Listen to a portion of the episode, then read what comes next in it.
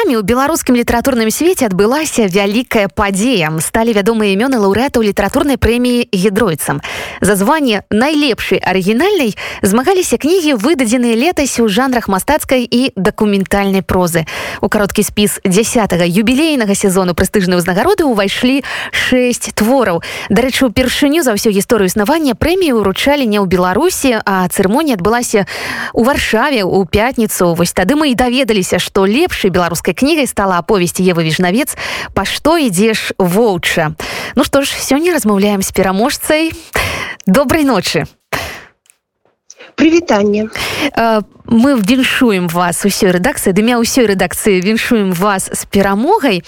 І першае пытанне будзе такім вось па ваших каментарыях у фейсбуку найперш. Я так зразумела што для вас гэта было вялікай нечаканасцю так гэтая перамога натуральна натуральна было вялікай прыемнай нечаканасцю для мяне гэта было і застаецца яшчэ. Я не ведаю калі я засвою уже ўрэшце гэтую інфармацыю. Ну ўжо амаль тыдзень мінуў все роўна эмоцыі яшчэ яшчэ тыя яркія самыя свежыя. Вельмі яркія тым больш што мяне адразу ж накрыў ковід. І як бы гэта вельмі мяшаныя пачуцці. За вялікія для аднаго чалавека ведаеце што э, загалоўкі былі такімі што ўперш у мяне таксама дарэчы была спакуса вось так вас прадставіць і сказаць што ўпершыню за ўсю гісторыю прэміі узнагароду атрымала жанчына а ўвогуле наколькі сёння гэта скажем так шчырае можа быць падзяленне прозы на мужчынскую і жаночую і як вы ўспрымаеце падобныя загалоўкі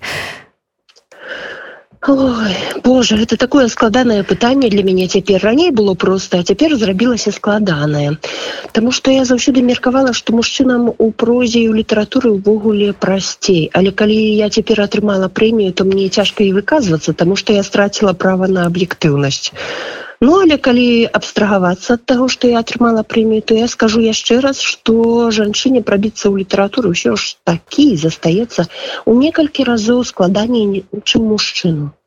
Я спашлюся на досвед хаця бы нават і спадарні роулінг якая спачатку баялася нават апублікавацца под жаночым імем. Але з другога боку можна зрабіць усё можна зрабіць калі вельмі пастарацца Па што ідзеш воўча? Заўсёды можна расказаць пра што кніга з перспектывы сюжэту Ну а можна з перспектывы аўтара які быццам бы і піша радкі але самае галоўнае хавае часамі паміж імі. Дык вось пра што вы пісалі сваю кнігу? Я хацела падаць надзею тым хто жыве. Я праўда хацела падаць надзею тым хто жыве нават калі тыя хто жыве зараз вельмі пакутуе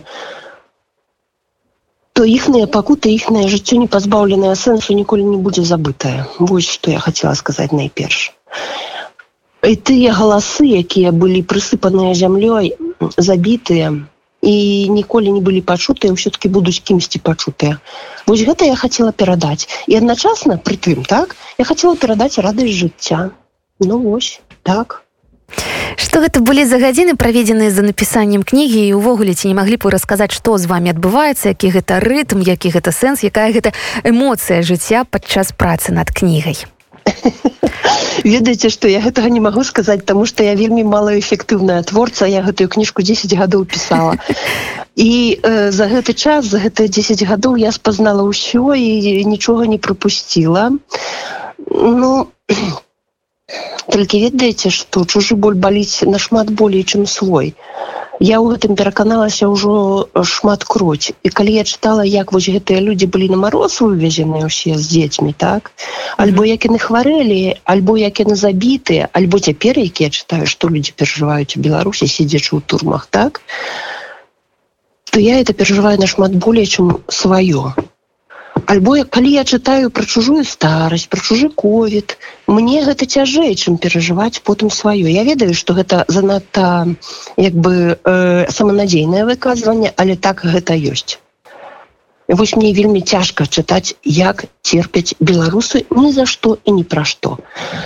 За гэтым мяне было цалкам нармальнае радаснае светлае і вельмі комфортнае жыццё якое забяспечвалася з усіх бакоў. у Таму што ў мяне вельмі шмат магчымасцяў зарабіць і вельмі шмат сяброў ва ўсіх краінах еўрапейскага саюзу. Ці ці ёсць у вас нейкія пісьменніцкія рытуалы ёсць. У мяне ў хаце павінна быць чыста і палітыя ўсе расліны. І ўсе ў маёй хаце павінны быць шчаслівыя цёплыя і ўсё павінна быць асветленае сонцам. І вось калі у мяне ў парадку ўсё і нават посуд памыты ось тады я сядаю за кампутар праціраю яго і пачынаю пісаць. Ўсё ж таки за кампутар і на клавіатуры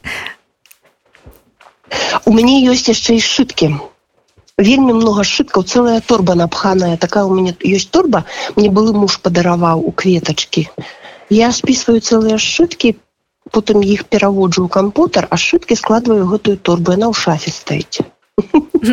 Вельмі лёгка ўявіць што спявак пераслухвае сваю песню. У прынцыпе тое што рэжысёр пераглядае свой фільм таксама э, можна падумаць а ці перачытвае пісьменнік свае кнігі я асабіста не таму што я заўсёды незадаволеная Гэта можа выглядаць як какетства, але ў маім выпадку гэта не какетства. Калі я стаяла на прэміі, я думала быць шчаслівай, але калі чыталі мой твор, то я заплакала настолькі гэта было далёка ад таго, што я ўяўляла, як гэта мусіла быць дасканала і наколькі гэта не дасканала. Мне ўвесь час раздзірае паміж замыслам і здзейсненнем. Мне здаецца, што я ўсё-такі трошачки не дапрацавала, што не дацягнула.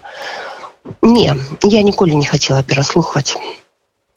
А ці дарэчы чыталі вы кнігі сваіх так бы мовіць сёлетніх канкурэнтаў ну канешне двукосе тую шасцёрку не чытала але не таму што не хацела я попросту не чытала мне не было часу я даволі траўматычна пражыла апошні часу тое што адбывалася з беларусю мне было вельмі цяжка перажыць тое што адбывалася з маёй сям'і мне было цяжка перажыць і яшчэ я была вельмі моцна занятая працона бо мусіла зарабляць грошы. І яшчэ моя біяграфія вельмі хутка змянялася. Не я не чытала. І мне прыкра з гэтага поводу.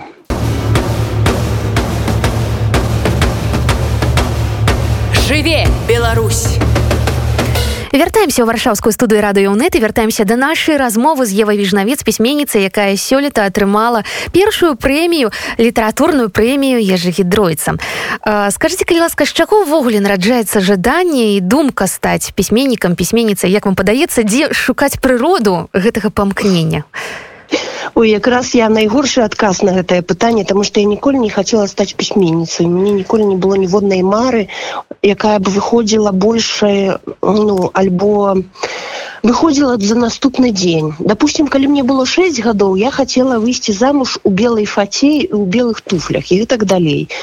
І у мяне ніколі не было такой мары каб стаць кімсьці але калі я поступила на філфак то то я раптам закахалася допустим у сярэднявечную літаратуру мне захацелася напісаць что-нибудь такое раўназначнае як допустим паэма акасены николет альбо яшчэ что-нибудь. Я пачынала подбіраць вось такія формулки як былі у курсе сярэднявечнай літаратуры. З гэтага ўсё і пачалося. Попросту я вельмі любіла слово хорошее сказанное Вось і ў 98 годзе я напісала цэлае апавяданне. Яно было надрукаванае пад псеўданімам з гэтага ўсяго і пачалося, але я ніколі не марыла быць пісьменніцай. Як вам падаецца, які ўзрост для пісьменніка залаты ну, скажем ёсць такое меркаванне, што напрыклад дырыжор гэта прафесія другой паловы жыцця. Пісьменнік, якія перавагі ў пісьменніцкай маладосці, скажем у пісьменніцкім такім ужо больш сталым, больш дарослым веку ніякіх перавагаў ані ў малодшага ні ў дарослага. Ўсё гэта звязана з індывідуальным развіццём чалавека. Я ўпэўненая ў гэтым.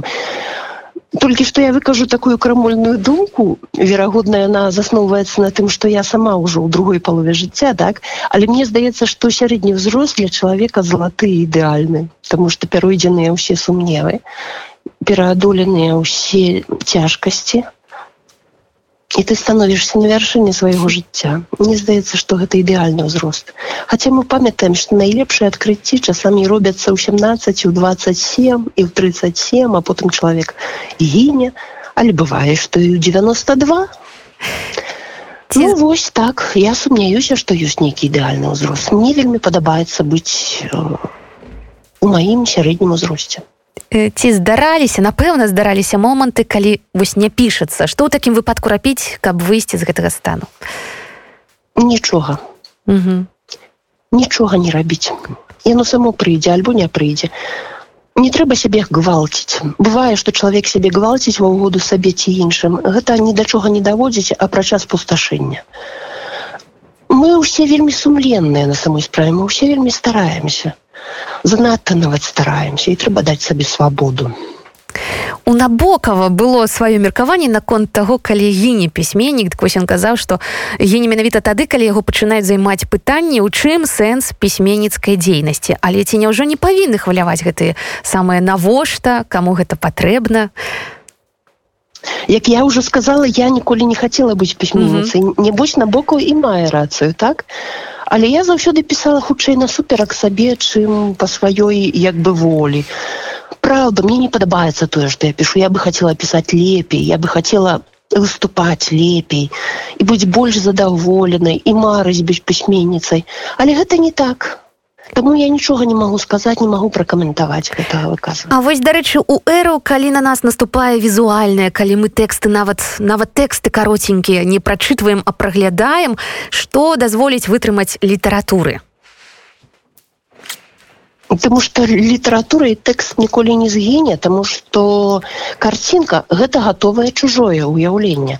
А літаратура гэта тое, што цябе падрыхтоўвае уявіць сваё. І гэта заўсёды заўсёды будзе важней на самой справе, Таму што чалавеку важней ягонае ўласнае ўнутранае ўяўленне. Mm -hmm сюжэты по вялікім рахунку ўжо даўна ўсе прыдуманыя і літаратуразнаўцы вызначылі гэтыя кірункі і ўсё ж такі літаратура гэта вылучае твор энергія аўтара. А дзе яе крыніцы гэтай самай энергіі і дзе вы яе знаходзіце Мне гэта ўвесь час страшэнна страшэнна рухае да дзеяння што літар усяго 30 плюс а сюжэта ўсяго 30 плюс таксама так mm -hmm. і вось у гэтых абсалютна вузкіх рамках мы ўвесь час рухаемся і робім фантастычныя рэчы абмежаванні вось што мяне як бы рухае наперад па-першае маё ўласныя абмежаванні по-другое сусветнае абмежаванне ну па-трэцяе тое што я люблю. Я вот допустим Беларусь люблю яна мяне рухае ўвесь час. Угу. кажуць што акцёры абавязкова прыдумваюць легенду так бы мовіць што было да і пасля ў жыцці іх персонажа якога яны іграюць А вы ведаеце што далей адбываецца з героямі ваших кніг і увогуле якія гэтыя стасункі з персонажамі дакладна ведаю што адбылося з рынай допустим. Так. Рына сабе шчасліва жыве нават папівае е ўсё добра е калом не знішчыш так я ведаю что адбываецца з героямі маіх кніг А ці з'яўляюцца ўжо новыя героі і магчыма ізноў вось гэтыя самыя пісьменніцкія рытуалы про якія вы рассказывалі Мачыма ізноў у вас усе кветкі паліты. Ува мне тчэцца гэты туман. Так. скажу так. Зараз гэты туман чэцца. Я не ведаю у што ён вычацца я написала что я написала новую кніжку. Так я яе написала але ведаеце я ніводную кніжку не магу пісаць хутка я чытаю тое што я напісала і думаю Боже не так не тое не туды і я пачынаю гэта перапісваць я так перапісваю перапісваю выдаляю і выдаляю. І вось зараз во мне знову тчэцца новы туман і я стараюся ўсё прывесці да таго каб мне гэта по максимуму падабалася. Ну вот гэтым я зараз занятая і не магу у вас не запытацца ўвогуле пра тое што дазволіць сёння ўтрымацца беларускай літаратуры тому что канешне баліць сэрца і за саюз пісьменнікаў за пэн-цэнтр як гэтая сітуацыя ну гэта сітуацыя бачыцца звонку вось так як мы яе бачым а як яна бачыцца знутры паэтамі пісьменнікамі непасрэднымі удзельнікамі нам конечно баліць -hmm. але мы конечно не здадзімся тому что нам здацца немагчыма потому что мы гэтым живвем и ізноў жа нас калом не знішчыш мы будзем рабіць сваё у кожных з нас Беларусь. Чтоб там не было так?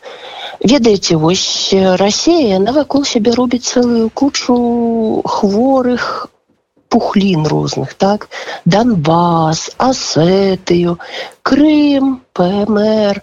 Але з Беларусю і не выйдзе таму что Беларусь это краіна это адчуванне гэта асобнае сэрца.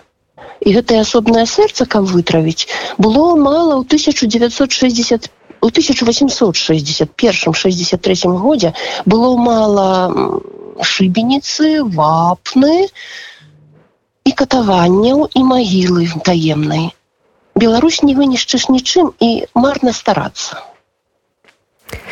Дякую вам вялікі. Беларусь гэта гісторыя гэта сапраўды мы гэта літаратура. Ева вежнавец сёння размаўляла з намі пераможца літаратурнай прэміі гідройца Дякую вялікі. Я спадзяюся што да сустрэчы ў эфіры. Да сустрэчы ўсіх цалую. Жыве Беларусь уначы.